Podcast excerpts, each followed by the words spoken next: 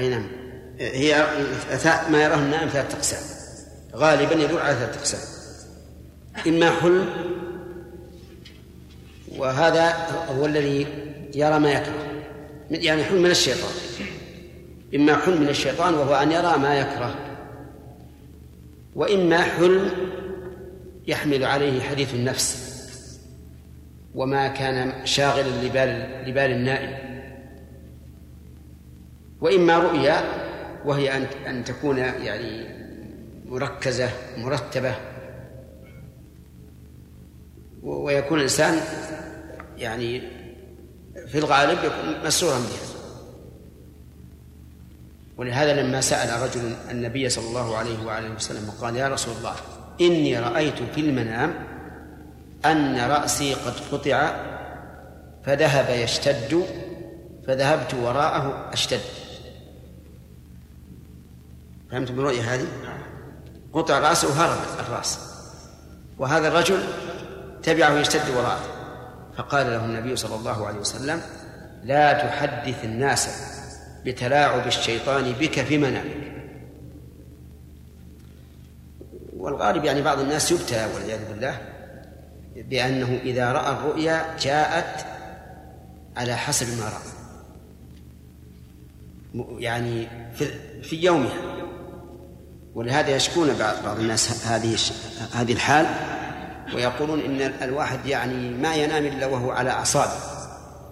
يخشى أن يرى ما يكره فيقع. وهذا سبحان الله عجيبه يعني. نادرة الله لا نادرة جدا. كمل العدد؟ خمسة. أخذت كم؟ خمسة اثنين ها؟ ثلاثة. طيب الوهاب في قوله عليه الصلاة والسلام معهما الشيطان. بيان أن الخصومة إيش؟ معهما الشيطان. نعم. هل بيان من الرسول عليه الصلاة والسلام أن كل خصومة سببها الشيطان أو أن لا لا. الظاهر والله أعلم أنه حصل منهما ما لا يليق. وإلا هما يحتقان. كل واحد منهم يقول الحق لي. لكن لعله حصل منهما ما لا يريد. ما ما, ما لا ينبغي أن يكون من السب والشتم. خالد؟ مع رسول الله صلى الله عليه وسلم العشرة الوسطى من رمضان فخرجنا صبيحة عشرين نعم. في صبيح نعم. آه، المعروف بعد المغرب. هم هم اعتكفوا لليلة القدر، ليلة القدر تنتهي؟ الصباح في صباح الشهر لكن جاءت الاحاديث العشر الأواخر فصار آخر الاعتكاف الغروب غروب الشمس. خمسة. نعم. نعم. إيش؟ حديث أبي سعيد. هي اللي فيها اعتكف العشر ثلاثة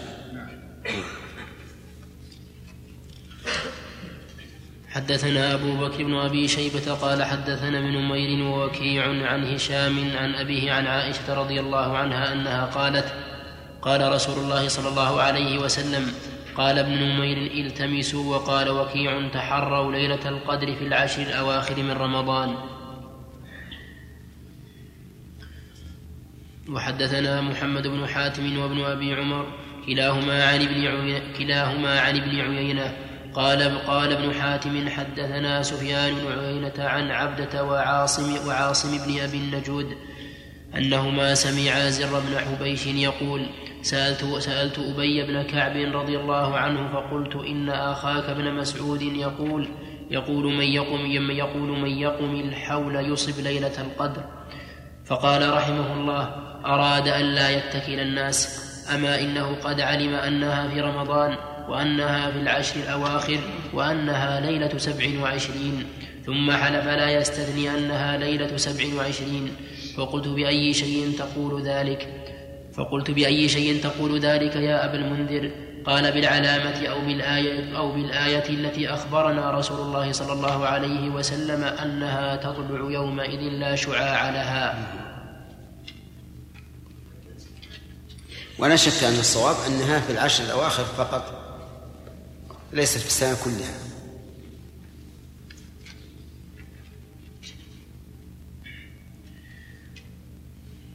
وحدثنا محمد بن المثنى قال حدثنا محمد بن جعفر قال حدثنا شعبة. طيب على على هذا نقول من من يقم العشر الأواخر يصب ليلة القدر. نعم. نعم. وحدثنا محمد بن المثنى قال حدثنا محمد بن جعفر قال حدثنا شعبة. قال سمعت عبدة بن أبي لبابة يحدث عن زر بن حبيش عن أبي بن كعب رضي الله عنه أنه قال قال أبي في ليلة القدر والله إني لأعلمها. قال شعبة وأكبر علمي هي الليلة التي أمرنا رسول الله صلى الله عليه وسلم بقيامها هي ليلة سبع وعشرين. وإنما شك شعبة في هذا الحرف هي الليلة التي أمرنا بها رسول الله صلى الله عليه وسلم. قال وحدثني بها صاحب لي عنه. وحدثنا محمد بن عباد وابن أبي عمر قال حدثنا مروان وهو الفزاري عن يزيد وهو ابن كيسان عن أبي حازم عن أبي هريرة رضي الله عنه أنه قال تذاكرنا ليلة القدر عند رسول الله صلى الله عليه وسلم فقال أيكم يذكر حين طلع القمر وهو مثل شق جفنة متى يكون هذا؟ في أواخر الشهر في آخر الشهر. و وكما عرفتم أن أرجاها لا 27 نعم. لا ما يصير. لا لا ما يصير. لا لم يمشي. نعطيكم صفحة من نسخة. صفحة من نسخة. وأنا شر أمين نعم.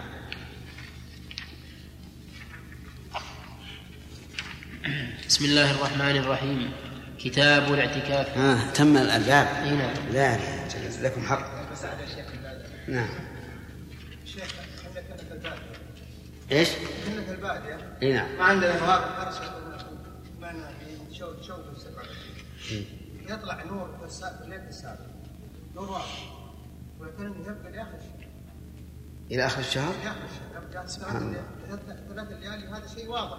لو ت- لو تسأل الحين كل من يحط باله ما يبقى عليه ولكن حتى الأشجار نعدها نعدها في البر نعدها أشجار. عجيب الله. نعم.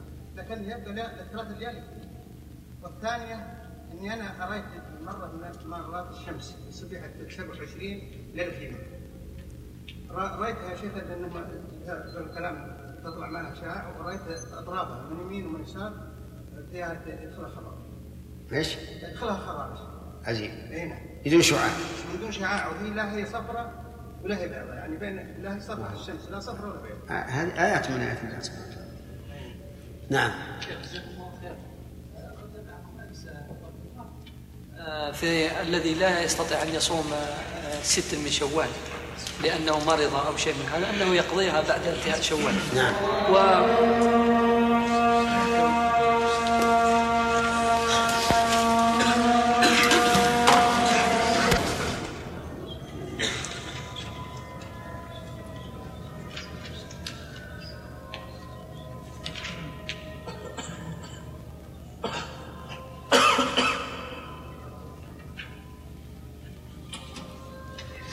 نعم. يقول الشيخ جزاك الله خيرا. أمس اخذنا انه الانسان إذا لم يستطع أن يقضي أن يصوم أيام شوال يقضيها إذا انتهى إذا زال عذره نعم.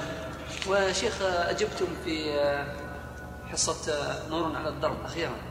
على المرأة التي لم تستطع أن تصوم ثلاثة أيام من الشهر التي هي معتادة أن تصومها أن تصومها فقلتم نرجو الله عز وجل أن يعطيها يعني أن يأجرها على عدم صيامها لها ولم تقولوا أن لها أن مثلاً تصومها مرة ثانية. فما الفرق بين المسألتين؟ فرق ظاهر. ما الفرق؟ فرق صيام أيام الست تابعة للفريضة. وقد حصلت الفريضة في- فيصوم ما ما- ما كان تابعا له أما صيام ثلاثة أيام من الشهر فهي مستقلة. سنة فات محلها. نعم.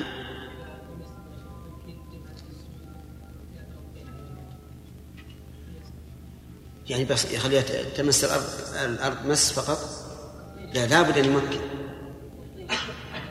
خف من أين خلق؟ ها؟ من طين؟ وش الضر؟ لا بل يعني يسعى الطين إيه ما يضر يعني إذا سجل المرة الثانية تكون ما يضر هذا لا يمكن. مكن جبهة الأرض. العادي كان يخاف يغاص رأسه بالطين ما أدري. كان طين كبير يعني. ها؟ أي ما يخالف ما يضر ما يضر هذا متصل. متصل وله أيضا لم يضعه هو. حتى نقول هذا من جنس الطاقية إن ما يصلح يحط على الجبهة. نعم. من لازم إيش؟ تحري إلى تقرر يعني؟ مو لازم هذا لكن أولئك القوم عندهم همة ونشاط يحبون أن يعتكفوا لإدراكه. أما الإنسان يمكن يتحرى بدون أن يعتكف ولا مانع. نعم. قال الإمام النووي رحمه الله في الشرح قال البخاري وكان كم المذاهب صارت الآن؟ نعم. كم المذاهب؟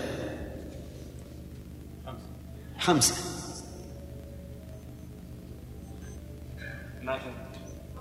كيف ما فهمت؟ طيب هات الآن. قال الحافظ النووي.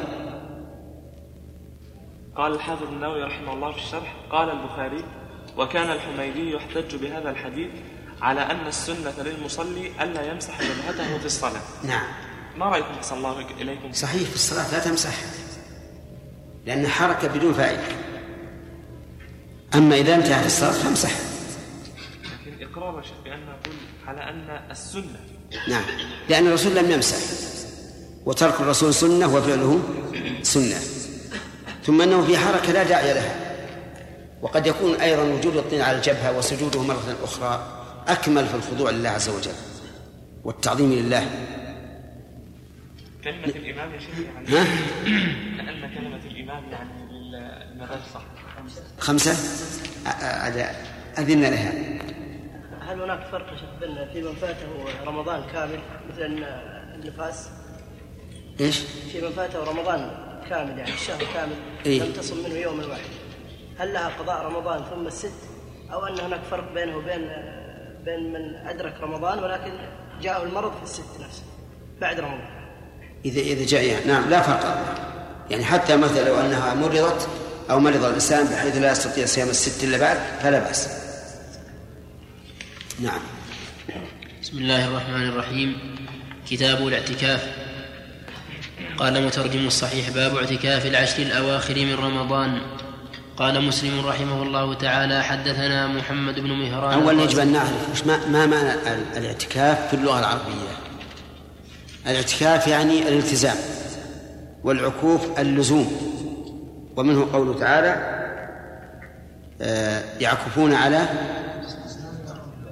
أصنام لهم ما هذه التماثيل التي أنتم لها؟ عاكفون أما في الشرع فهو التعبد لله عز وجل بالتزام المسجد لطاعة الله. هذا هو الاعتكاف. وليس أن يلزم الإنسان المسجد من أجل التحدث إلى الناس والقيل والقال والنوم والأكل. هو عبادة. من أجل العبادات.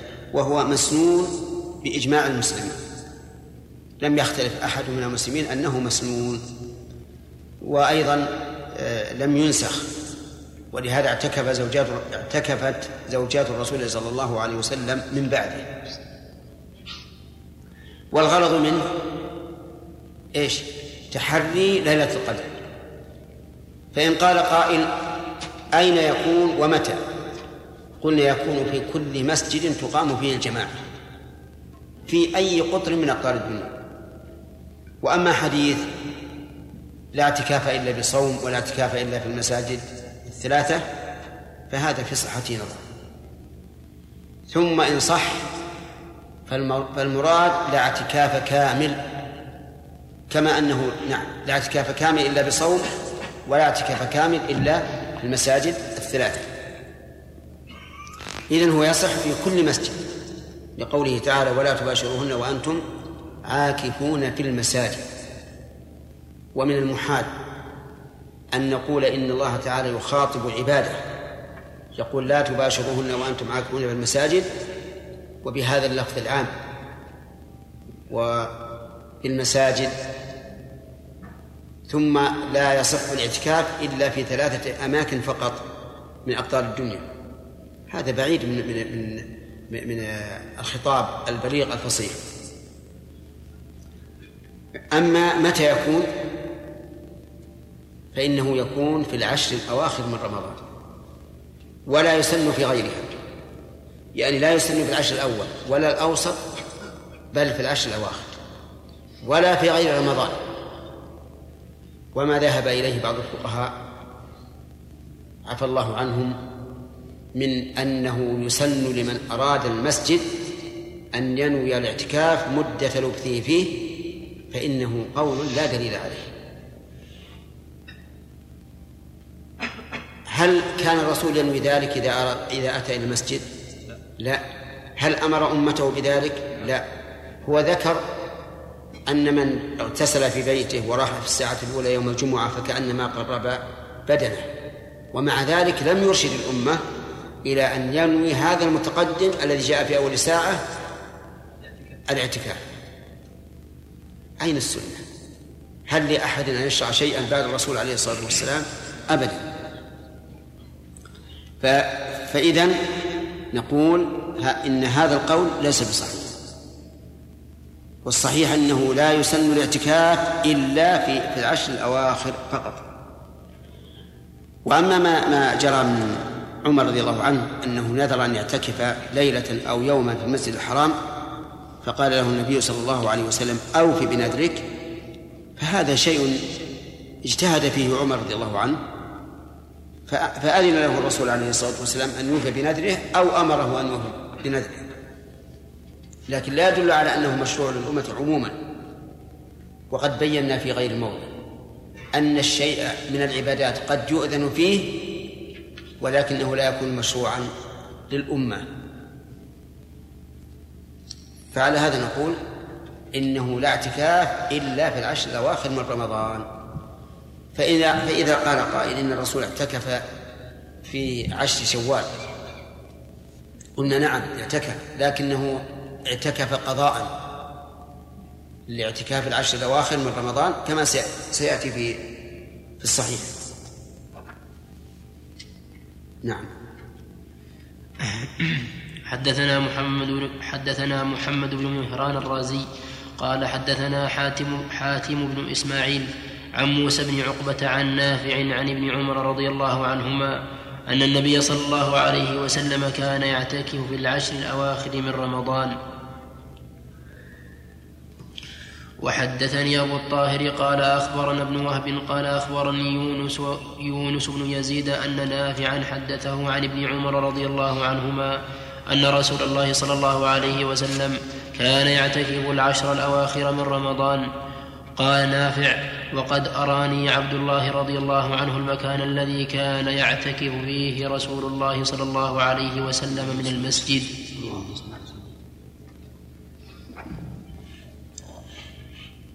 وحدثنا سهل بن عثمان قال حدثنا عقبة بن خالد السكوني عن عبيد الله بن عن عبيد الله بن عمر عن عبد الرحمن بن القاسم عن أبيه عن عائشة رضي الله عنها أنها قالت كان رسول الله صلى الله عليه وسلم يعتكف العشر الأواخر من رمضان. حدثنا يحيى بن يحيى قال أخبرنا أبو معاوية حاء وحدثنا سهل بن عثمان قال أخبرنا حفص بن غياث جميعا عن هشام. حاء وحدثنا أبو بكر بن أبي شيبة وأبو كريب واللفظ لهما. قال حدثنا ابن نمير عن هشام بن عروة عن أبيه عن عائشة رضي الله عنها أنها قالت كان رسول الله صلى الله عليه وسلم يعتكف العشر الأواخر من رمضان. وحدثنا قتيبة بن سعيد قال حدثنا ليث عن عقيل عن زهري عن عروة عن عائشة رضي الله عنها. أن النبي صلى الله عليه وسلم كان يعتكف العشر الأواخر من رمضان حتى توفاه الله عز وجل ثم اعتكف أزواجه من بعده. في هذا الحديث دليل على مشروعية الاعتكاف للمرأة كالرجل وهو كذلك لأنها كما أن الرجل يطلب ليلة القدر هي تطلب ليلة القدر أيضا. لكن هذا إذا كان هناك مكان خاص للنساء. لأن زوجات الرسول عليه الصلاة والسلام اللاتي اعتكفنا كل واحدة لها خباء منفردة عن الرجال. فإذا كان في المسجد مكان خاص للنساء قلنا اعتكف.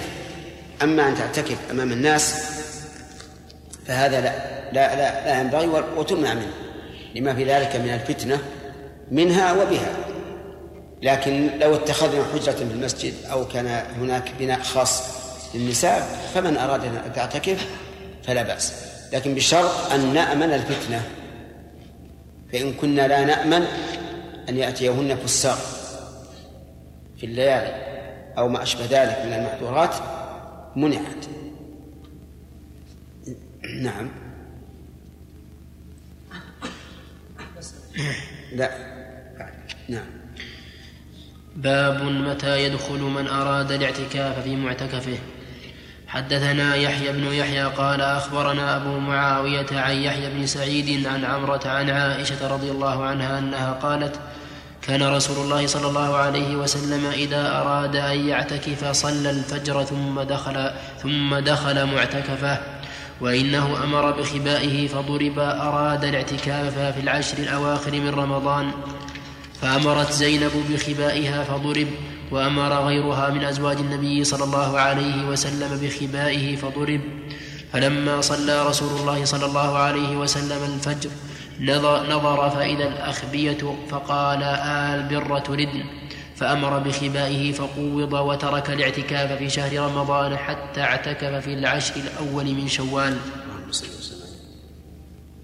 في هذا دليل على أن درء المفاسد أولى من جلب المصالح. فالرسول عليه الصلاة والسلام خاف أن النساء إنما فعلن هذا من باب الغيرة. لما ضربت زينب خباءها ضرب بقية النساء.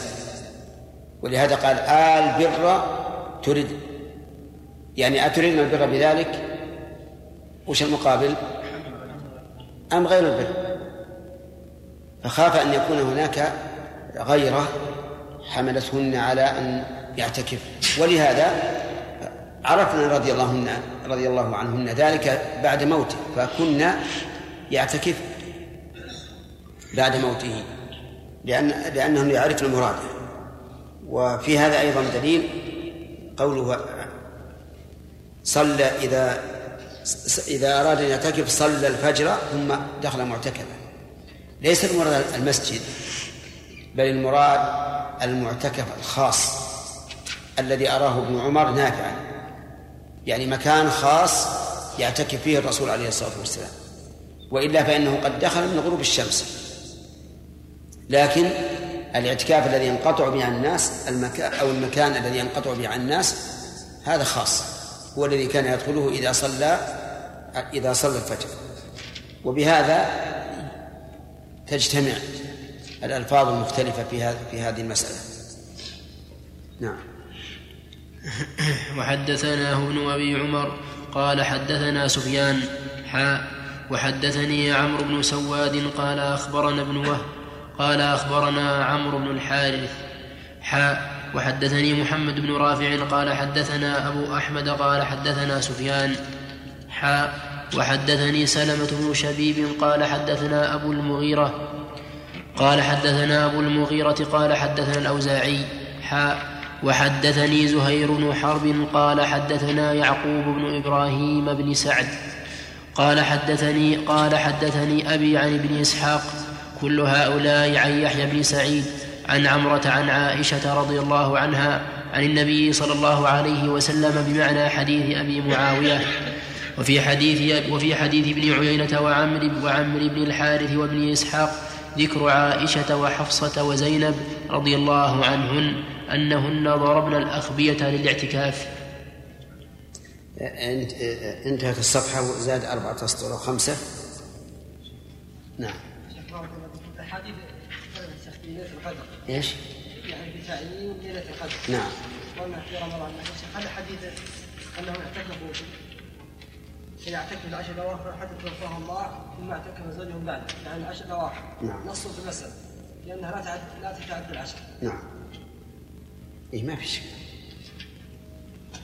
سليم. طبعا عنده شيء من نحتاج إن الاعتكاف يكون في الثلاث المساجد الفضل إيه؟ هل المساجد كلها فيها عمل يخص بالمساجد الثلاثة الاثنين اللي غير المسجد الحرام؟ له فيه فيه مثل لا تشد في الحال إلا إلى المساجد. يا شيخ الأعمال الأعمال الجوارح. والثانية أن الإنسان ما هو الشريعة أنها واسعة أن ما تنحصر الشريعة على على على مثل هذه. وعلى كل حال أقول هذا ضعيف.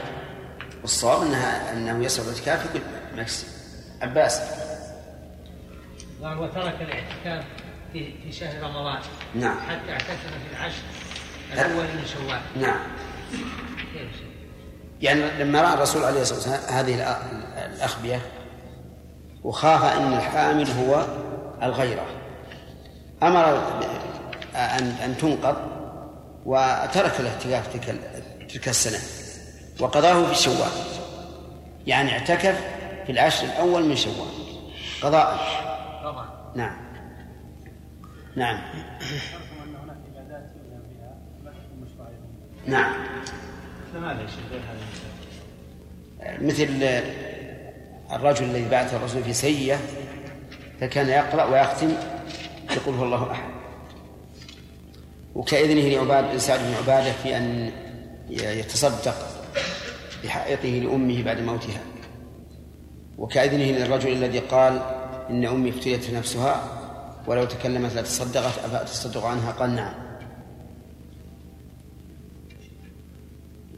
وكذلك أيضا كون الرسول عليه الصلاة والسلام في حجه يسمع من يكبر ويهلل في التلبية ومن يلبي وكذلك مثل زيادة بن عمر لبيك وسعديك والخير في يديك والرغباء إليك والعمل يعني ونظائرها كثيرة نعم صالح. نعم. شيخ لكن اشكل على حديث البخاري حديث أبو هريرة كان النبي صلى الله عليه وسلم يعتكف في العشر واقع رمضان حتى كان العام الذي قبض فيه اعتكف 20 يوما. نعم.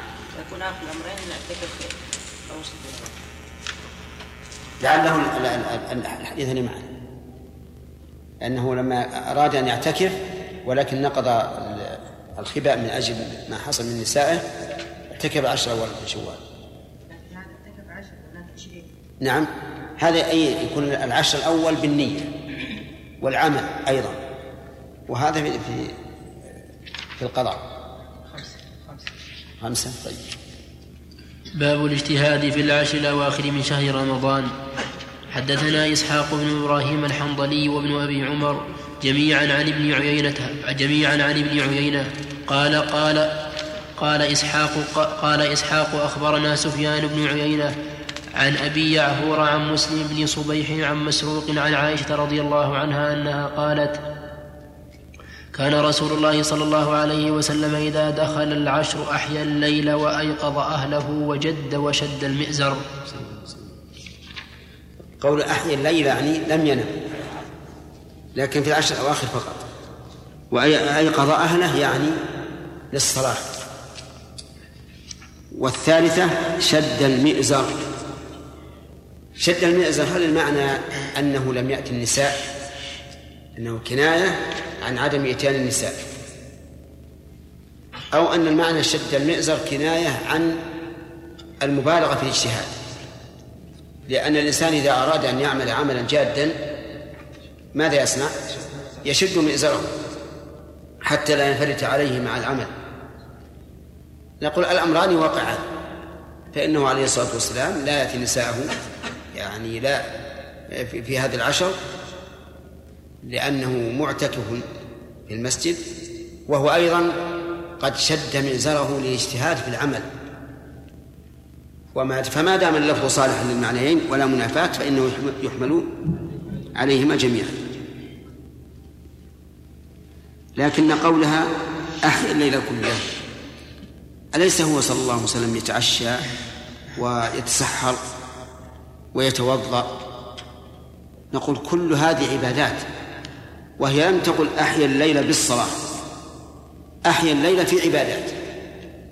فمثلا إذا كان الإنسان مثلا في لي... في ليالي العشر يقرأ القرآن ويذكر الله ويتعشى وي... ويتسحر ويتوضأ وي... ويصلي قلنا إنه أحيا الليل. نعم. حدثنا قتيبة بن سعيد وأبو كامل الجحدري كلاهما عن عبد الواحد بن زياد. قال قتيبة حدثنا عبد الواحد عن الحسن بن عبيد الله. قال قال سمعت إبراهيم يقول سمعت الأسود بن يزيد. سمعت الأسود بن يزيد يقول قالت عائشة رضي الله عنها كان رسول الله صلى الله عليه وسلم يجتهد في العشر الأواخر ما لا يجتهد في غيره.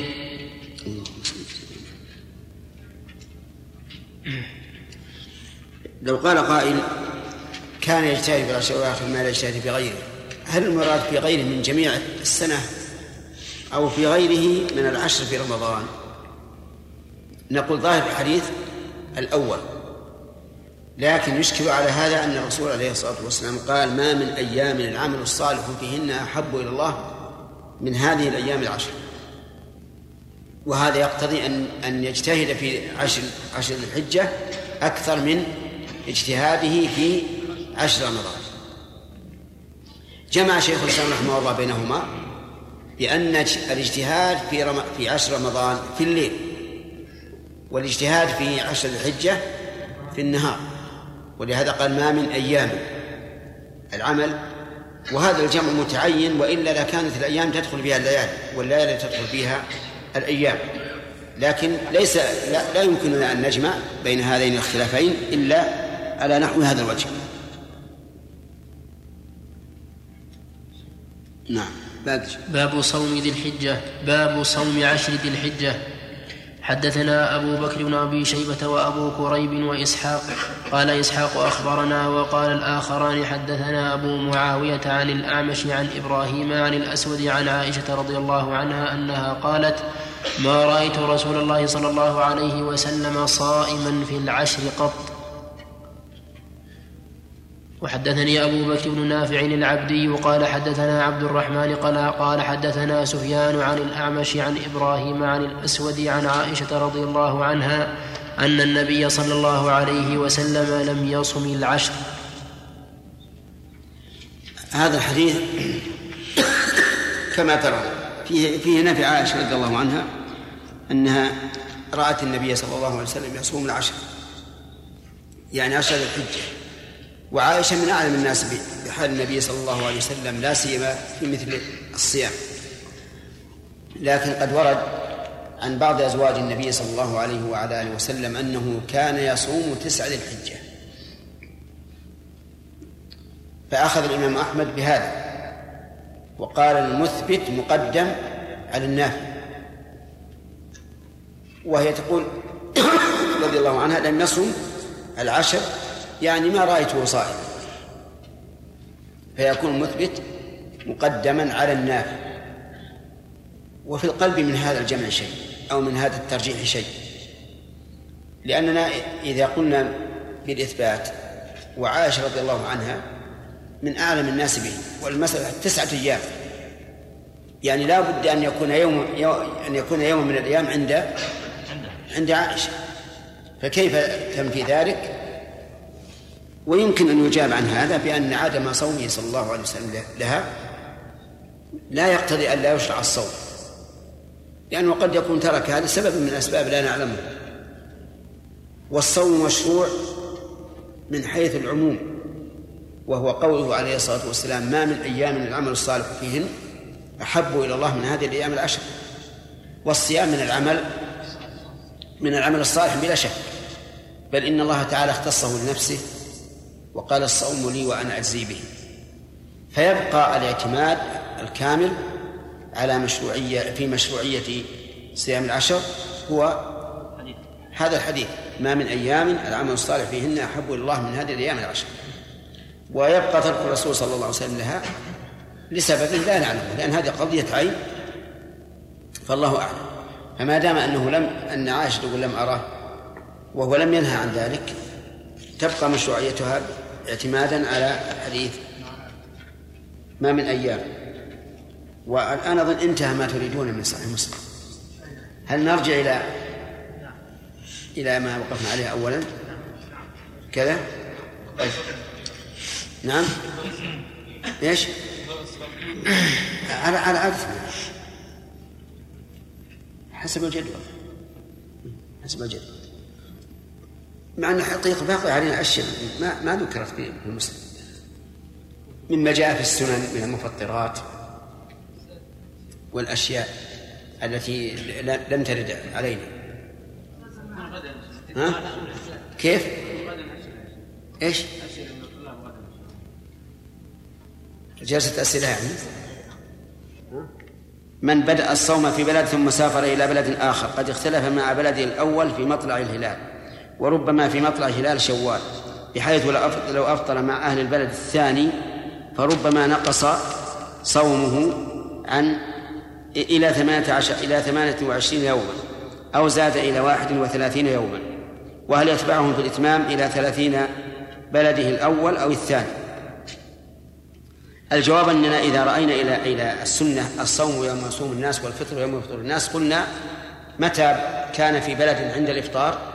يعني شوال انتظر إذا إذا كان قد صام ثلاثين يوما بحسب رؤية البلد الأول فإنه ينتظر ولا يفطر إلا معه ولو زاد عليه. والعكس إذا كان في بلد أفطروا قبل أن يتم 29 يوما فإنه يفطر معهم ويقضي يوما. نعم. ومن بدأ الصوم في الشرق ثم سافر إلى جهة الغرب في آخر النهار بالطائرة فربما بقيت معه الشمس فترة طويلة فمتى يكون إفطاره؟ نقول نعم إذا إذا كان يريد أن يتمم صوم يومه فلا يفطر حتى تغيب الشمس. وإذا كان يريد أن أن يفطر فهو مسافر. على تقدير أنه سيتم الصوم يبقى حتى تغيب الشمس. حتى لو استمر 24 ساعة. ما دام يشاهد الشمس وستغيب. ولذلك فيه مسألة نعم. آه، فيه أيضا بعض الناس الآن يركب في الطائرة عند غروب الشمس ثم تصعد الطائرة ويتأخر غروبها أي غروب الشمس. نقول انتظر حتى تغيب. وإلا إذا غابت الشمس وأنت في الأرض ثم أفطرت. فهنا إذا استقلت الطائرة مرتفعة فإنك لا تفطر ولو رأيت الشمس لأن يومك قد انقضى. هذا يقول السؤال الرابع. أي نعم. إنسان إنسان ركب الطائرة وأقلعت الطائرة والشمس باقية. قبل غروب دقائق يسيرة جدا. نقول لا تفطر حتى تغيب الشمس. ولو بقيت ساعة أو نصف ساعة بعد إفطار البلد الذي أنت أقلعت منه والعكس لو غابت الشمس وأنت لم تقل ثم أفطرت. ثم آه، آه، ارتفعت الطائرة فرأيت الشمس فأنت على على إفطارك لأن يومك الأول انتهى كيف؟ كيف لم يتبع؟ إذا غابت الشمس أفطر الصائم كما قال النبي عليه الصلاة والسلام سواء أكل أو لم يأكل طيب الذين يسكنون في أقصى الشمال أو أقصى الجنوب من الكرة الأرضية ربما لا لا يرون الشمس وربما يرونها أحيانا لفترة قصيرة جدا كيف يكون صيامهم؟ يكون صيامهم بالتقدير. كما قال النبي صلى الله عليه وعلى آله وسلم في الدجال أن يوما من أيامه كسنة قالوا يا رسول الله كيف نصلي؟ قال اقدروا له قدر. فيقدر لكن كيف يقدر؟ هل يقدر بالمتوسط؟ يعني 12 ساعة و12 ساعة؟ أو يقدر على توقيت مكة لأنها أم القرى؟ أو يقدر بأقرب بلد إليه يكون فيه نهار وليل. نعم. الأقرب الأخير. الأقرب الأخير.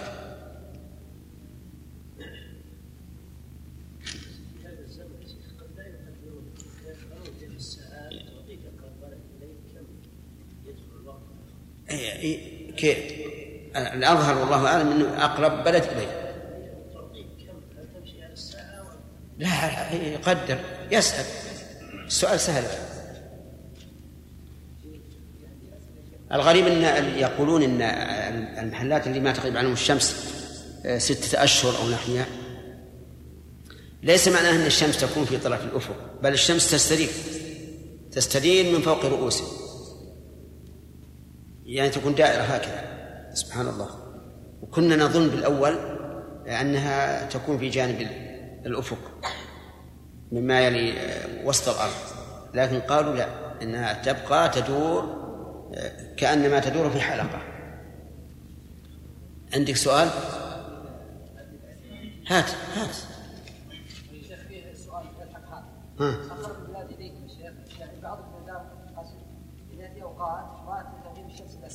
نعم. ساعه واحدة فقط اي نفس الشيء. يصوم 23 ساعة. يصوم 23 ساعة كما يصوم أهل الذين عندهم ليل ونهار. نريد قولا مفصلا في المفطرات. أنا عندي من أحسن ما يكون آه، كتاب مجالس رمضان. مجالس رمضان فيه تفصيل تام في كل ما يتعلق بالصوم. فالذي عنده يكتفي به إن شاء الله. هذا خارج الدرس في الزكاة.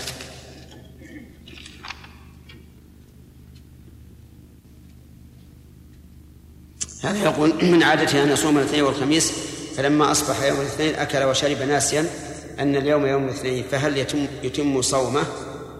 الجواب نعم. والسائل إسماعيل أحمد. إسماعيل أحمد. نعم. طيب. وين صاحب المسائل أحمد؟ نعم. عندي سؤالان السؤال الأول هو هل يجوز الوصال في أيام رمضان؟ وهو النبي نهى عن هذا عليه الصلاة والسلام. إذا استحل لا بأس. بدا له أن يفطر فيما بعد ولما يقبل إلى السحر لا بأس. إيه لا بأس. السؤال الثاني طيب. ما حكم غسل ما يسمى عند الأطباء بغسل الأمعاء؟ هل يفطر يفطر الصائم؟ كيف غسل الأمعاء؟ وشلون؟ يوضع لي في أسفل اللسان إيه؟ وتدخل الماء في أمعائه الغليظة. يعني ما ما تصل حقنة يعني. الحقنة. لا ليست الحقنة ها. وإنما لي هو يدخل في شرج الإنسان. وتغسل معدته من من التسمم أو من القابض الذي هو ضد الإسهال ونحو ذلك. فهل هذا يعد مفطرا أو لا؟ شو لا. شاء هي الحكم الشرعي هي نفس نفس الحكم يعني فيها خلاف الشيخ الإسلام يرى إنها لا تفطر وهو الراجح. نعم. رمضان. وتاخيره عن القضاء. يعني يستدل على جواز تأخير القضاء مطلقا. نعم. مع انه يعني قد ورد في حالة خاصة بسبب معين. نعم. كيف يعني يتم الاستدلال به عموما؟ مع انه في يعني حالة خاصة. نعم. آه، السؤال سمعتموه؟ يقول عائشة رضي الله عنها تؤخر القضاء قضاء رمضان إلى شعبان. واستدلنا به على جواز القضاء مطلقا وهي لا تؤخره إلا لسبب وجه ذلك أنه لو كان القضاء يجب فيه الفور ما مكنها الرسول عليه الصلاة والسلام من أن تؤخر حتى لأن الرسول لا يمكن أن يقول مثلا أن أن يقرها على إفطارها من أجل الرسول والفورية واجبة واضح؟ نعم هناك العبادات التي آه، للإنسان أن يقضيها والتي آه، لا يقضيها.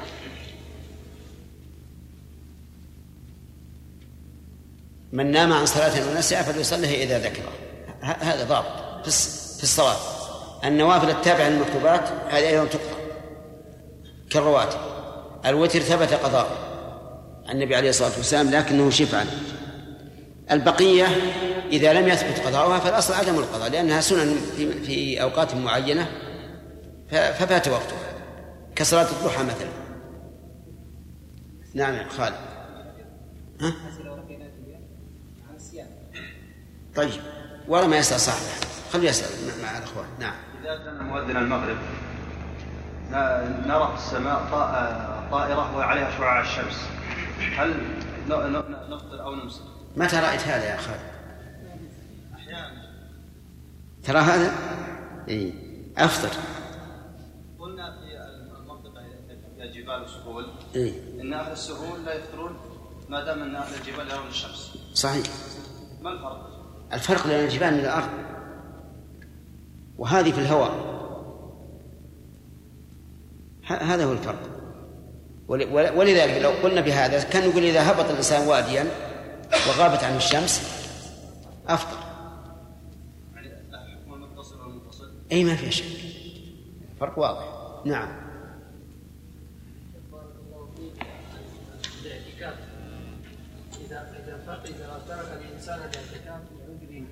هل يقضيه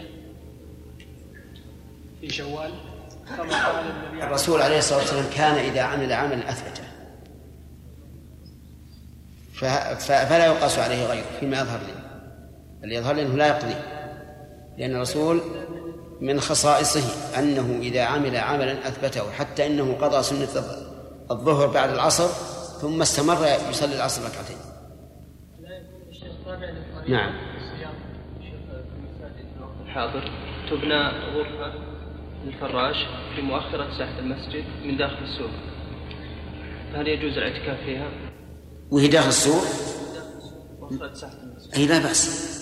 أما لو كان بابها في المسجد وهي خارج المسجد فهذه تعتبر بيتا مستقلا كما اعتبرت حجرة النبي صلى الله عليه وسلم آه، بيتا مستقلا مع أن بابها كان في المسجد. كان النبي صلى الله عليه وسلم يخرج رأسه إلى عائشة ترجله وهو معتكف. نعم.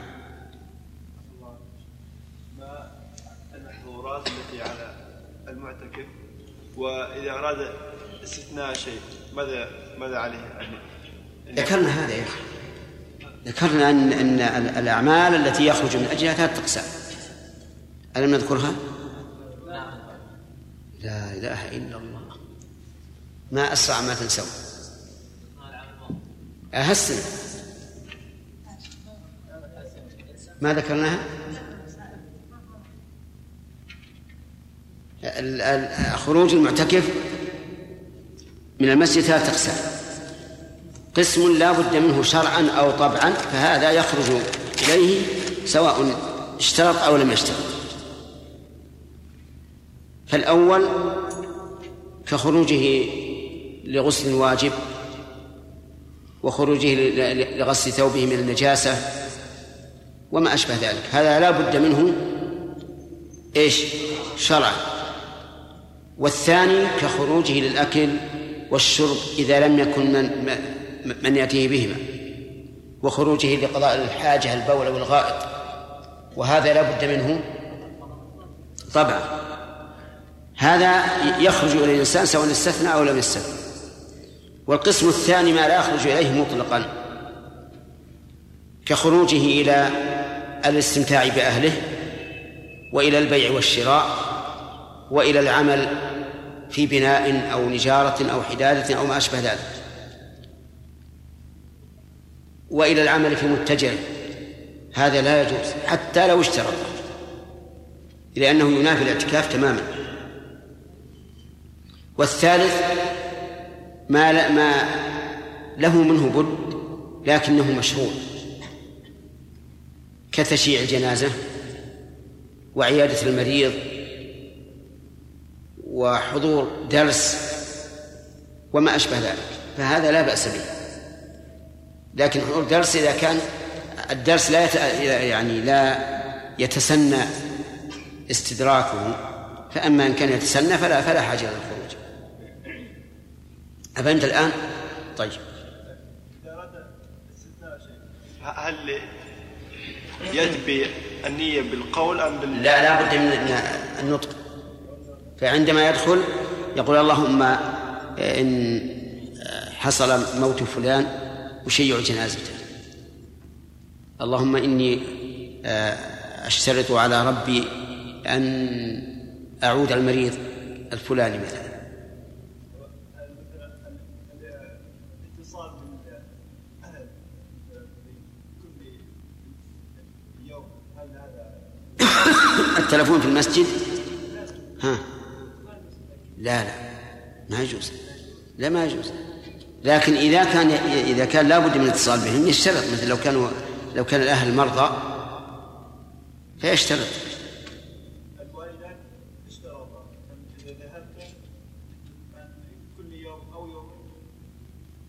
يشترط. هو يشترط. لابد يشترط. نعم. بارك الله فيك وجاء يعني جاء رمضان انتهى. وجاء جاء إيش؟ يعني أفطر في رمضان نعم. بعذر ولم يقضي إلى أن جاء رمضان السنة القادمة.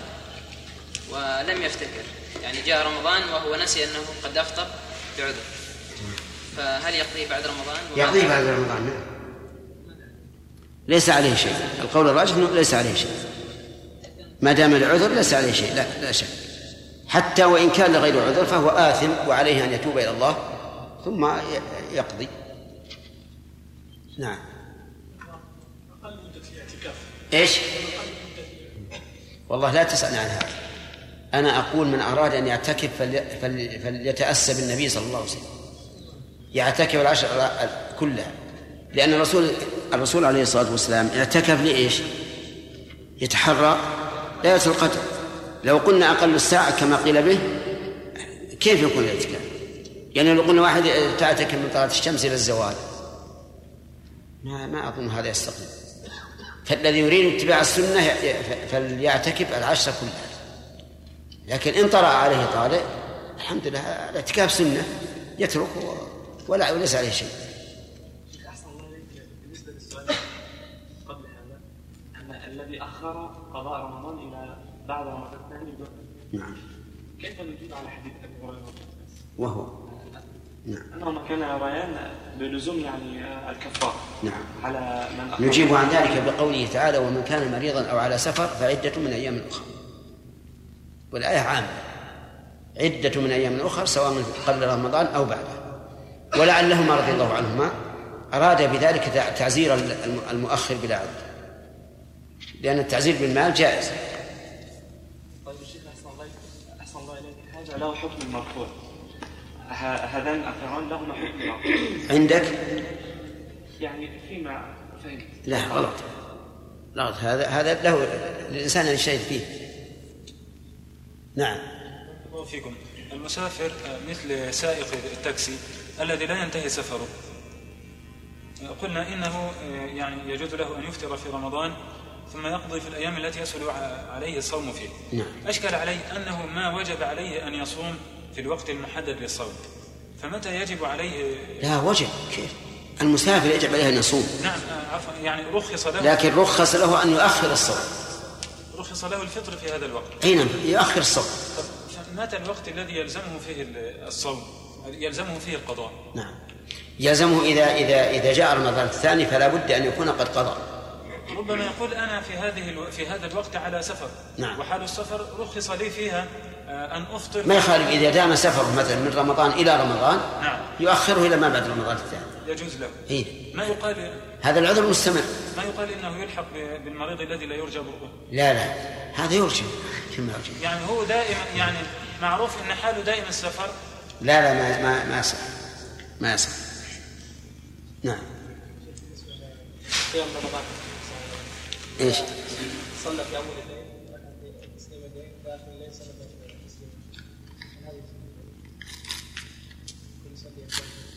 ما في بأس لكن هذا مثلا يعني قصدك في أيام العشر لا لا بأس لكن لو اختار أهل المسجد تعرف العوام ما تطيب نفوسهم أن يصلي أربع ركعات في أول الليل. والباقي في آخر الليل لو أن أهل أهل الحي ألحوا عليه قالوا نحن نريد أن نصلي في أول الليل مثلا عشر ركعات. وفي آخر الليل ما تيسر. فأرى أنه تطيبا لقلوبهم أن يفعل. لأن كل ما فيه التأليف ولا فيه محذور شرعي هو خير. نعم سمير. رجل رجل سافر إلى مكة. إيش؟ في رمضان. رجل سافر إلى مكة في رمضان. فكان يصلي التراويح يدخل مع الإمام الثاني. يعني ال- ال 13 الأخيرة. فيصلي ركعتين الأولى بنية العشاء قصرا ويصلي فيبقى له 11 ركعة. هل يكون مصيب بالسنة في هذه الحالة؟ لكن طيب أين هو قبل ذلك؟ خارج المسجد ولا في المسجد؟ يا الله نسأل الله العافية. كيف يشاهد المصلين يصلون وهو جا- جالس؟ ها؟ طيب ينتظر الناس يصلون. والله هذا اعتقاد باطل. هذه في الحقيقة ليس ليس للرأي فيه مجال. نعم. دائما يفعل هذا إيه نعم. مثلا يدخل مع الإمام الثاني. أرى أنه محروم لأن لأن الإمام الثاني نائب عن الأول. يعني فمثلا لو صلى مع الأول وانصرف عندما تمت الصلاة الأول ما قام مع الإمام حتى ينصرف. لأن الثاني في في المساجد اللي فيها إمامان يعتبر نائبا عن الأول. ليس مستقلا. أفهمت؟ نعم. لا أخذت. نعم.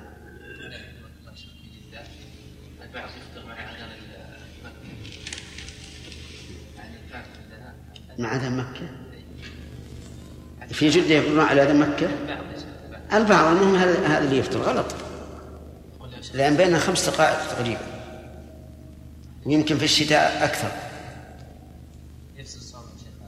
إذا تعمد يفصل. أما إن كان يظن أن هذا يعني هو هو الواجب عليه فهو جاهل ولا يفسد صوم لكن أنتم ما شاء الله في جدة سهل مشاهدة الشمس.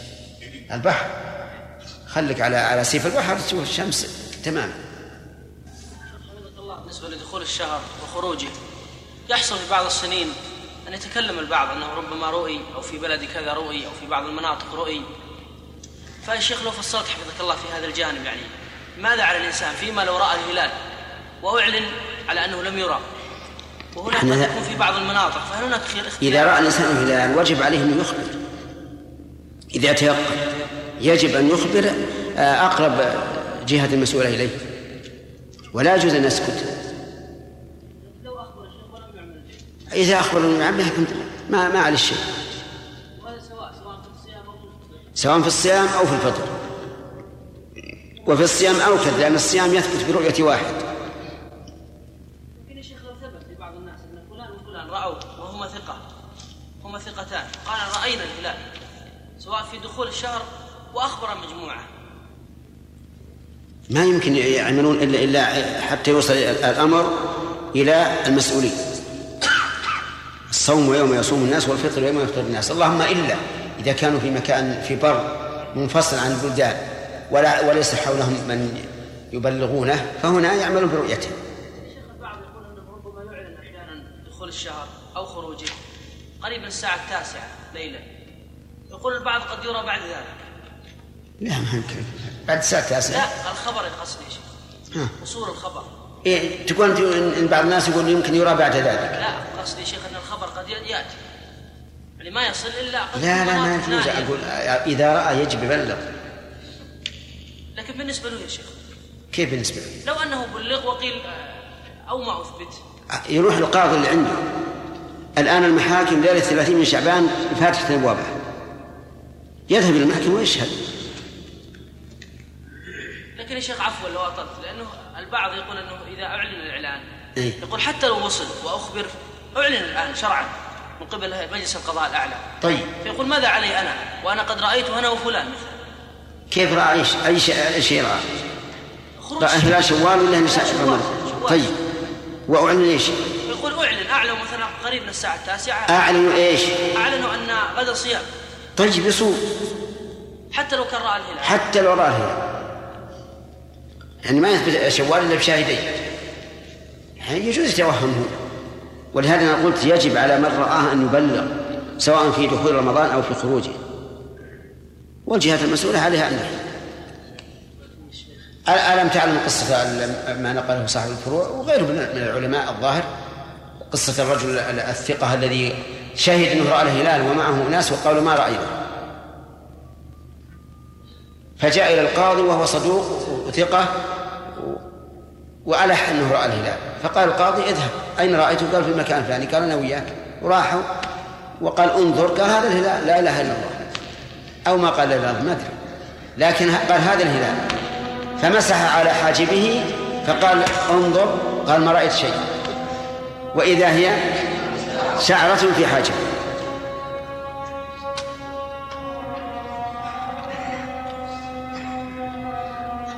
الله أكبر.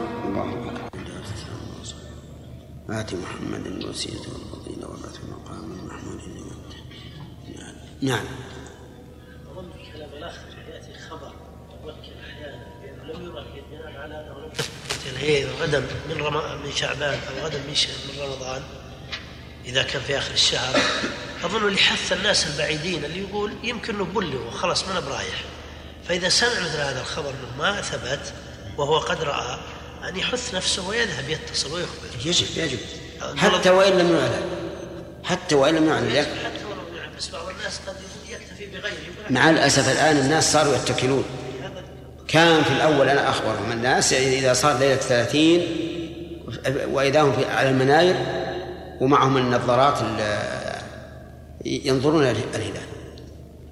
لكن الآن اعتمدوا على الحكومة ورئاسة المجلس الأعلى نعم.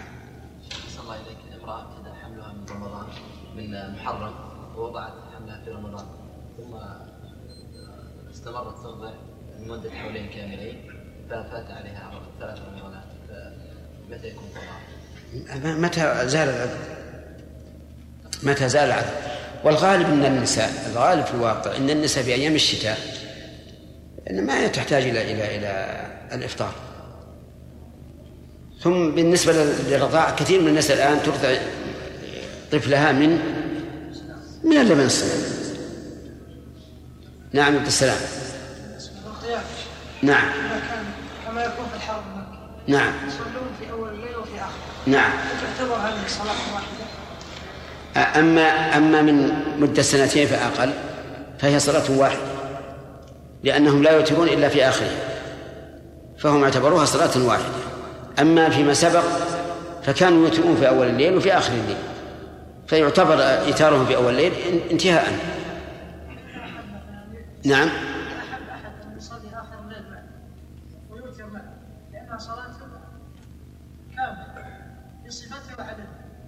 أنا أرى أن الإنسان إذا صلى مع الإمام حتى ينصرف فالسنة أن لا أن لا يقوم بشيء.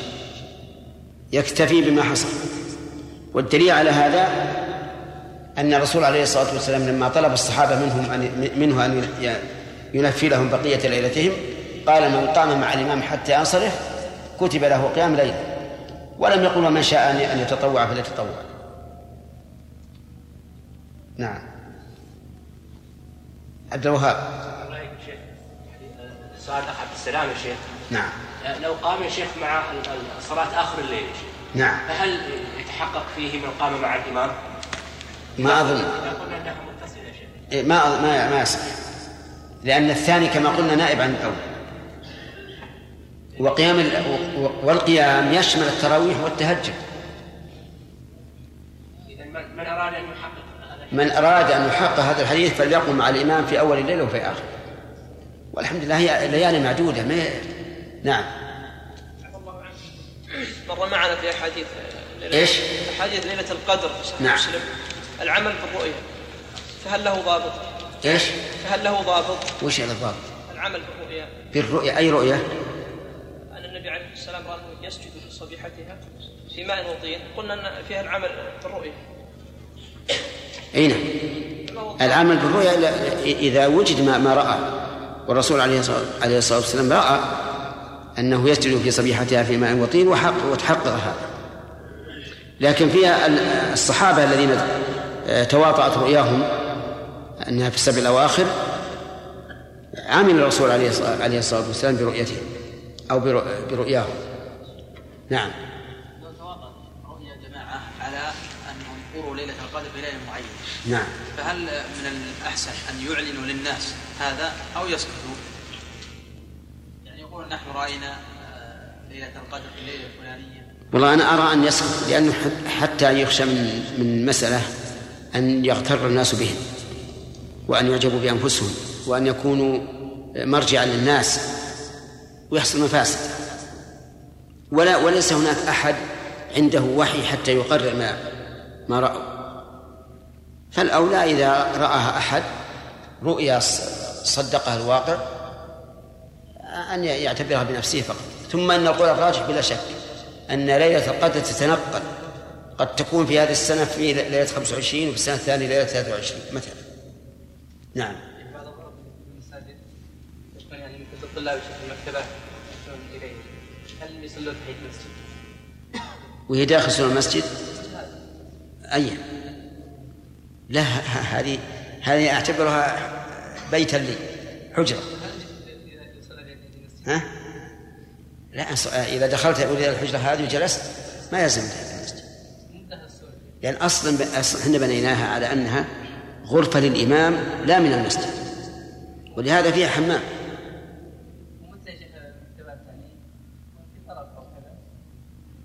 المكتبات إذا كان داخل سور المسجد إلا إذا كانوا من الأصل أسسوها على أنها مستقلة. لأجل من المسجد. نعم. إيش؟ يثقون بالإمام ويأخذون بقوله. فهل الافضل له في العشر الأواخر؟ أن يصلي 11 ركعة في أول الليل كما كان يفعل طول الشهر.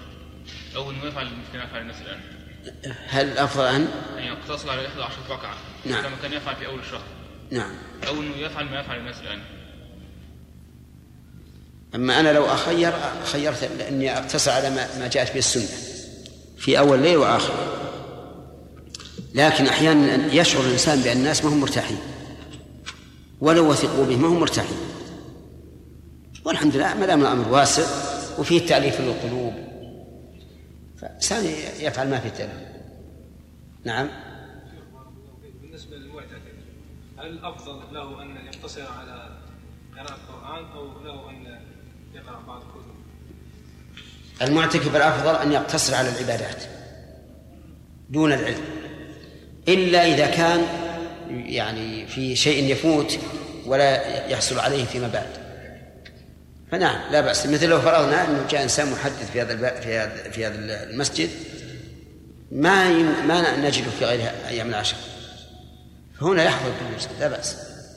وإلا فالأفضل أن يقتصر على العبادات الخاصة من قراءة القرآن والصلاة والتسبيح والتهليل.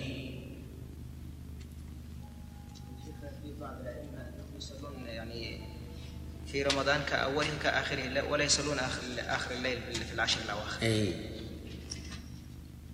يوجد الله الظن يوجد بس عندنا ما هو موجود. موجود عندنا؟ ما في بس يعني المسألة كلها سنة لكن آخر الليل أفضل. ولهذا قال عمر والتي ينامون عنها أفضل من التي يصلون. يعني آخر الليل. ها؟ أقول أفضل لهم منهم في في أيام العشر الأواخر خاصة أن يجعلوها في آخر الليل نعم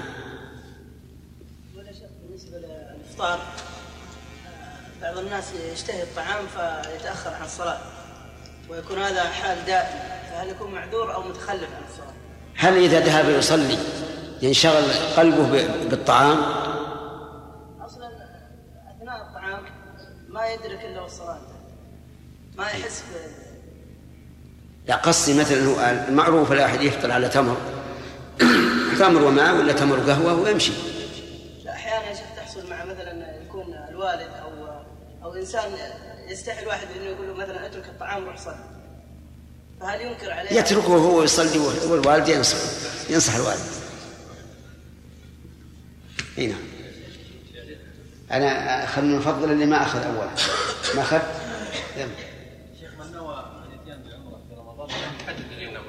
ثم ذهب إلى أهله في جدة ومكة ومكة عند بضعه أيام فانه يحرم من مكة؟ إذا كان أهله في جدة. وذهب إلى أهله وهو يريد أن أن يقضي الإجازة عنده فهنا متى تيسر له يحرم من جدة ولا حرج. على قول بأن مسألة الرؤيا لكل قوم رؤيتهم بعض الأسئلة للناس يقولون لا لا لا إحنا الآن ما نقول بهذا، نحن الآن نقول إذا كنت تحت ولاية فصم وأفطر. حتى لو فرضنا أنه ما رؤي في, في مثلا تكون الرقعة كبيرة ولا رؤي في جانب يلزمهم أن يصوم. طيب باعتبار البلدان نعم. يحصل سؤال يقول مثلا حين ثبت عندنا شهر قبل البلاد الأخرى بيوم نعم. في العشر الأواخر نعم. يصير في خلاف في الوتر يقولون مثلا ليلة القدر هذه من جنس ينزل الرب عز وجل ثلث الآخر هذه مسائل امشي بها على الشرع ولا عليك. أنت الآن ليلة 27 عندك هي أرجى الليالي وهي عند قوم 28 وعند قوم آخرين 26 لا يهمك أنت 27 هي أرجى الليالي نعم نعم هاوش الرجل الذي جاء الرسول صلى الله عليه وسلم وقال وقال تصوم الكفارة وبعد قال والله ما بين لبتيها أبطل مني نعم. فقال فجاه الطعام وقال خذوها لاهله نعم. أهله ما هم ستين أهله اي هذا سقطت عنه الكفار. يعني قبل أن أن يأتي الطعام س- ثبت عنه أي نعم. ما أخذت؟ يلا يا. شيخ هذا هل يقال بأفضلية تأخير صلاة المغرب في رمضان إلى أن يفطر الناس؟ لأنه كثير منهم قد لا يصبر على الطعام مثلا. ما له حد يا نايف هذا بعض الناس ما يكفيه نص ساعة وبعض الناس وده يبادر بصلاة المغرب من أجل أن يرجع ويتعشى على طمأنينة ويتقهوى هنا ف- فنأخذ بالأصل وهي تقديم الصلاة أفضل. نعم.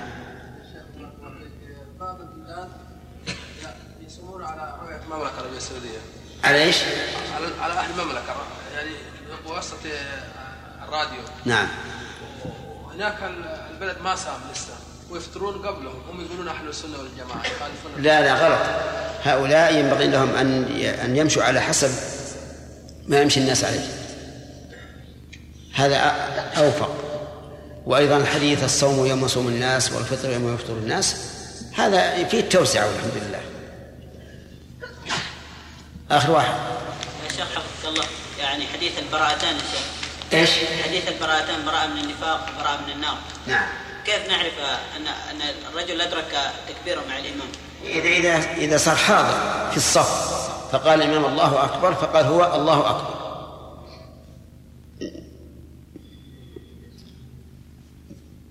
وضع النقط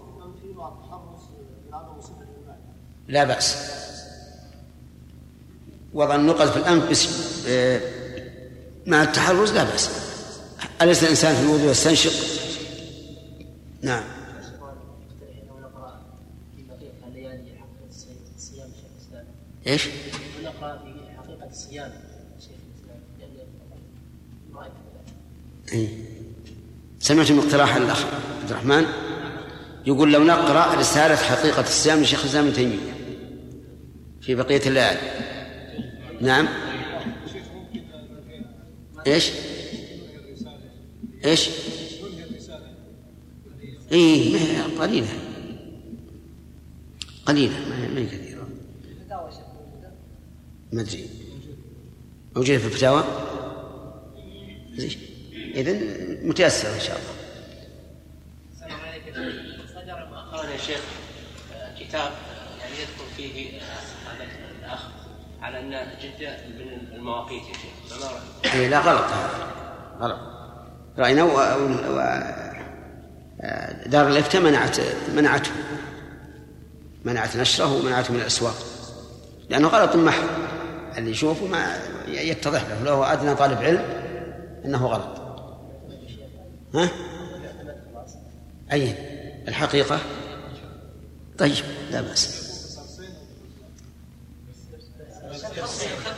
ها؟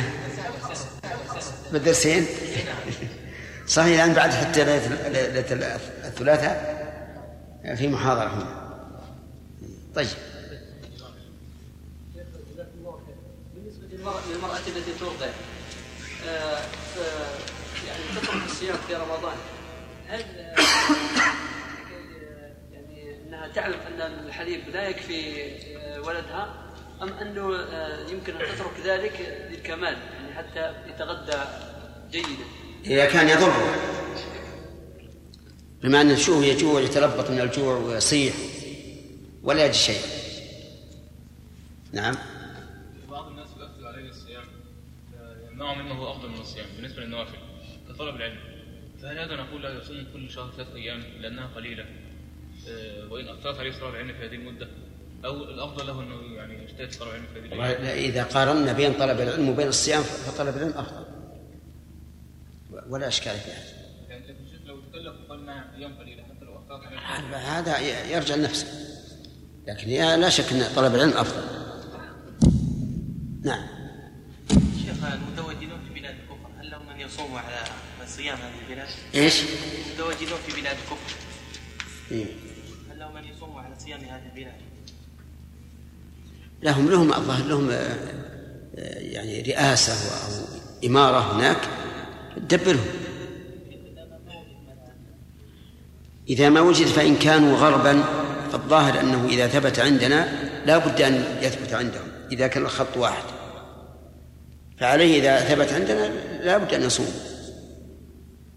لكن لاحظ أن الذي البلد اللي يكون شمال عنا وإن كانوا غربا عنا يختلف المضالة تختلف المضالة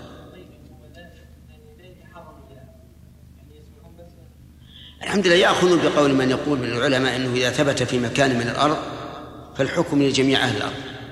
في من يرى الرأي أنه إذا ثبتت رؤية الهلال في مكان من الأرض إذا ثبت شرعا فإنه يلزم جميع المسلمين في جميع أقطار الدنيا أن يصوموا أو أن يفطروا.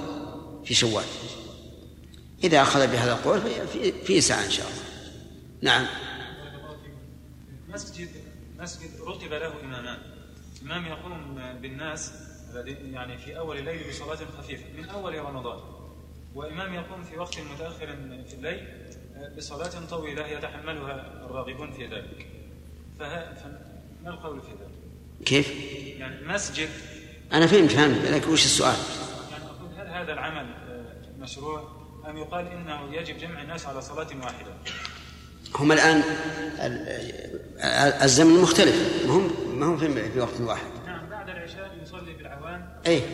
يقومون بالصلاة السريعة. زين. يصلي بهم إمام صلاة يعني تناسبه. نعم. وفي آخر الليل يصلي بمن يحبون طول القراءة صلاة طويلة. الظاهر لا بأس إن شاء الله. ما دام ما هم في في آن واحد نعم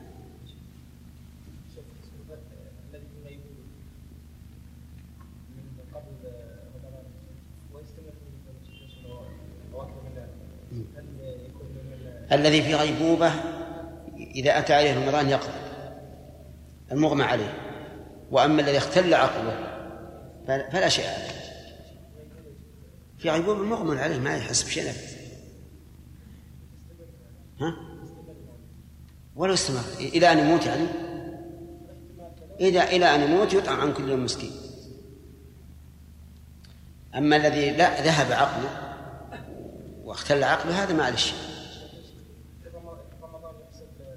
كيف؟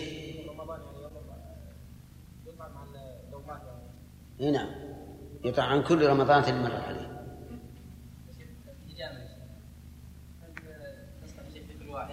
هل إيش؟ نعم. لا هي دواء. كما قال النبي عليه الصلاة والسلام إن كان الشفاء في شيء ففي ثلاث. ومنها شربة المحجم المحجم. وليس كما يظن بعض الناس أنها سنة. يكون معه فقر دم.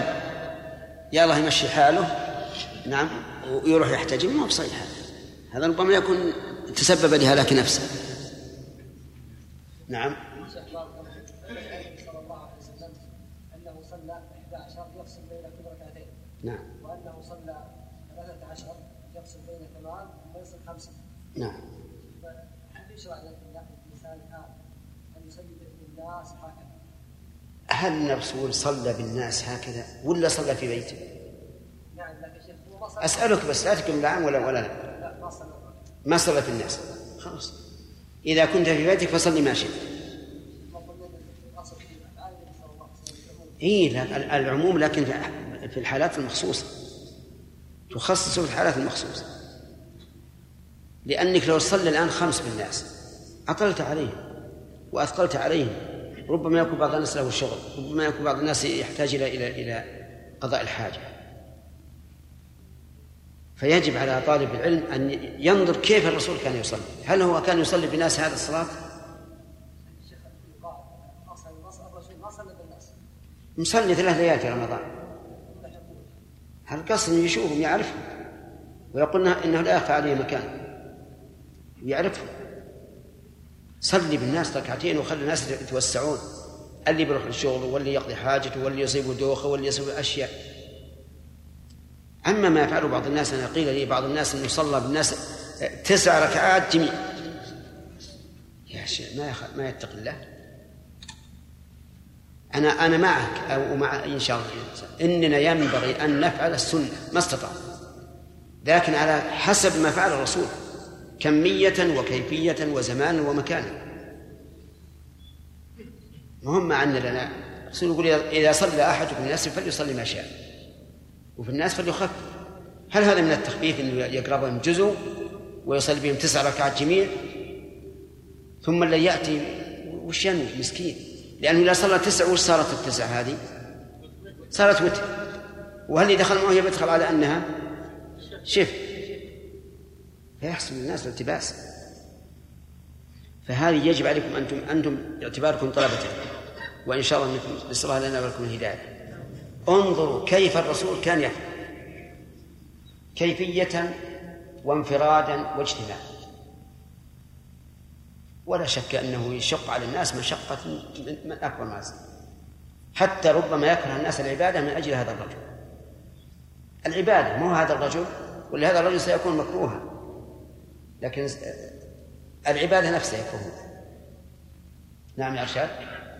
أصحاب السيارات الأجرة لهم مجرد أنه يعني المهنة ولا إذا شرع في السفر لأنه ربما يعني ينتظر لا يأتي ركاب وهو في بلد في بلده. لا في بلده إذا إذا صادف رمضان يجب أن أن يصوم.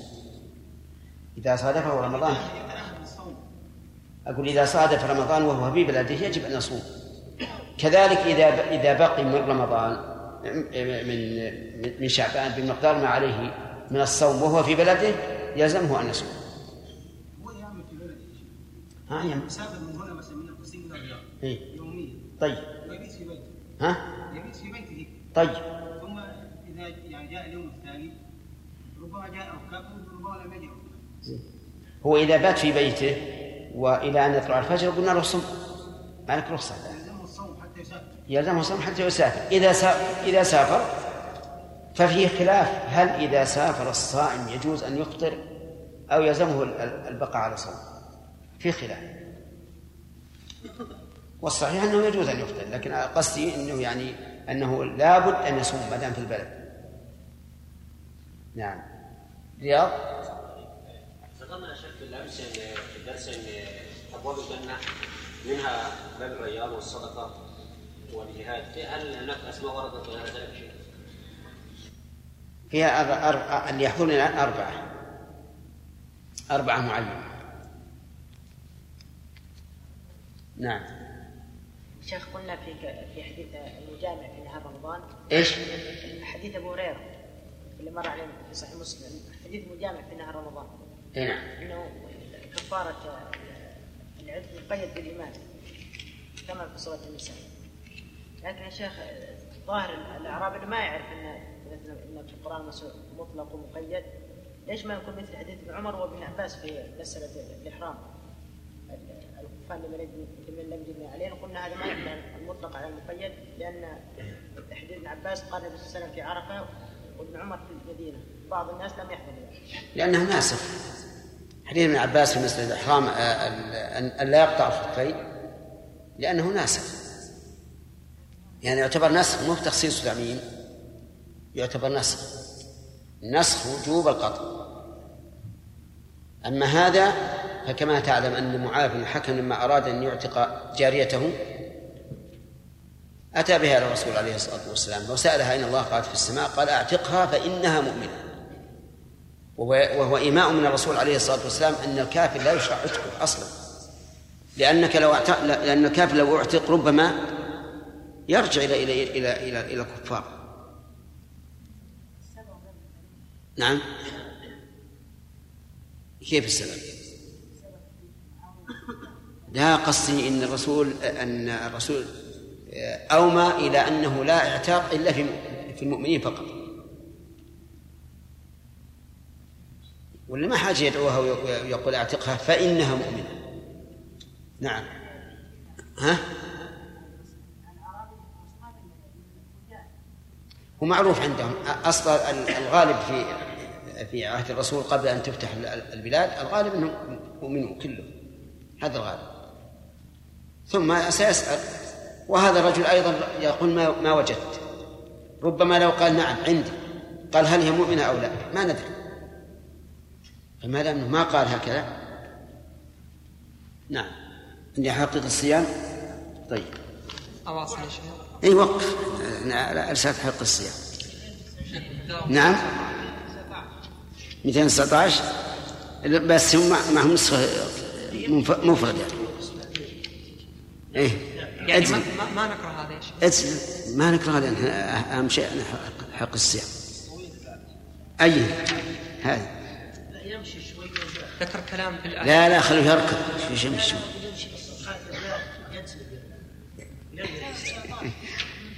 لا المجموع لكن هذا غير المجموع.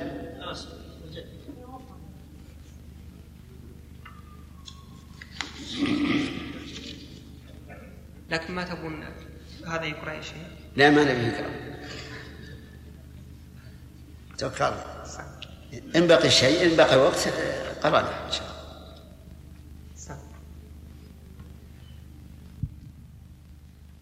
فصل فيما يفطر الصائم وما لا يفطره. الحمد لله نحمده ونستعينه ونستغفره ونعوذ بالله من شرور أنفسنا ومن سيئات أعمالنا. من يهده الله فلا مضل له ومن يضلل فلا هادي له. ونشهد أن لا إله إلا الله وحده لا شريك له. ونشهد أن محمدا عبده ورسوله. صلى الله عليه وسلم تسليما. ما يفطر الصائم وما لا يفطر. وهذا نوعان. منه ما يفطر بالنص والإجماع. وهو الأكل والشرب والجماع. قال الله تعالى فالآن باشروهن وابتغوا ما كتب الله لكم. وكلوا واشربوا حتى يتبين لكم الخيط الأبيض من الخيط الأسود من الفجر ثم أتموا الصيام إلى الليل فأذن في المباشرة فعقل من ذلك أن المراد الصيام من المباشرة والأكل والشرب. ولما قال أولا كتب عليكم الصيام كما كتب على الذين من قبلكم. كان معقولا عندهم أن الصيام هو الإمساك عن الأكل والشرب والجماع ولفظ الصيام كانوا يعرفونه قبل الإسلام ويستعملونه كما في الصحيحين عن عائشة رضي الله عنها أن يوم عاشوراء كان يوما تصومه قريش في الجاهلية. نعم هذا بسم الله الرحمن الرحيم. الصيام لا شك أنه الإمساك عن المفطرات. لكن لا بد أن يضاف إلى هذا التعبد لله بالإمساك عن المفطرات حتى يكون عبادة. لأن الإمساك عن المفطرات له أسباب متعددة. فإذا كان الغرض من ذلك التعبد لله كان صياما شرعا. وكما قال الشيخ رحمه الله الأشياء المفطرة بالنص والإجماع هي هذه الثلاثة. الأكل والشرب والجماع. وما عدا ذلك فإما ثابت بأقيسة وإما ثابت بنص مختلف في صحته أو في دلالته.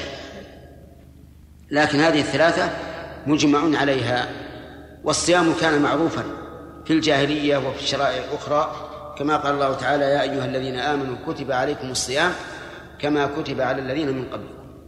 وكما قالت عائشة أنهم في الجاهلية يصومون يوم عاشوراء. فلم تأتي الشريعة الإسلامية بجديد إلا في بيان الحكمة من الصوم وهي أنه ليس الحكمة من الصوم أن يمنع الإنسان من فضل الله عز وجل من طعام وشراب ونكاح ولكن الحكمة شيء فوق ذلك وهو تقوى الله عز وجل. كما قال تعالى لعلكم تتقون حين ذكر فرض الصيام. وكما قال النبي صلى الله عليه وسلم من لم يدع قول الزور والعمل به والجهل فليس لله حاجة في أن يدع طعامه وشرابه. يعني إن الله لا يريد منا الحاجة بمعنى الإرادة هنا. يعني إنه ليس لله إرادة أن يدع الإنسان طعامه وشرابه بدون أن يدع قول الزور والعمل به والجهل. وإن قوما يمسكون عن ملاذهم ويتقون الله عز وجل شهرا كاملا إن قوما يكونون كذلك لا بد أن أن تتغير مناهجهم. ولهذا كان شهر الصيام لمن وفق كان تربية عظيمة للنفس بالصبر والتحمل والتقوى وكثرة الطاعات. نسأل الله أن يجعلنا وإياكم ممن اتعظ به وانتفع به. آمين. نعم. صوم يوم عاشوراء قبل فرضية رمضان. وقد ثبت عن وفي غير قوله عز وجل فالآن باشروهن وابتغوا ما كتب الله لكم. الإشارة إلى معنى النفيس وهو أن لا يريد الإنسان بالجماع مجرد نيل الشهوة بل ابتغاء ما كتب الله لنا يعني من الذرية. وهو إذا نوى هذا حصل هذا وهذا. يعني لا يفوته إذا نوى أن ابتغاء ما كتب الله له أن أن لا يكون له ذرية. بل يحصل على هذا وعلى هذا. ولهذا قال بعض المفسرين في قول ما كتب الله لكم أي بطلب الولد. نعم. وقد ثبت عن غير واحد أنه قبل, أنه قبل أن يفرض شهر رمضان أمر بصوم يوم عاشوراء. أمر. أمر بصوم يوم عاشوراء وأرسل مناديا ينادي بصومه. فعلم أن مسمى هذا الاسم كان معروفا عندهم وكذلك ثبت بالسنة واتفاق المسلمين أن دم الحيض ينافي الصوم فلا تصوم الحائض لكن تقضي الصيام. حكم المبالغة في المضمضة. العناوين هذه عندكم؟ لا من عندي. ما نقرأها؟ لا.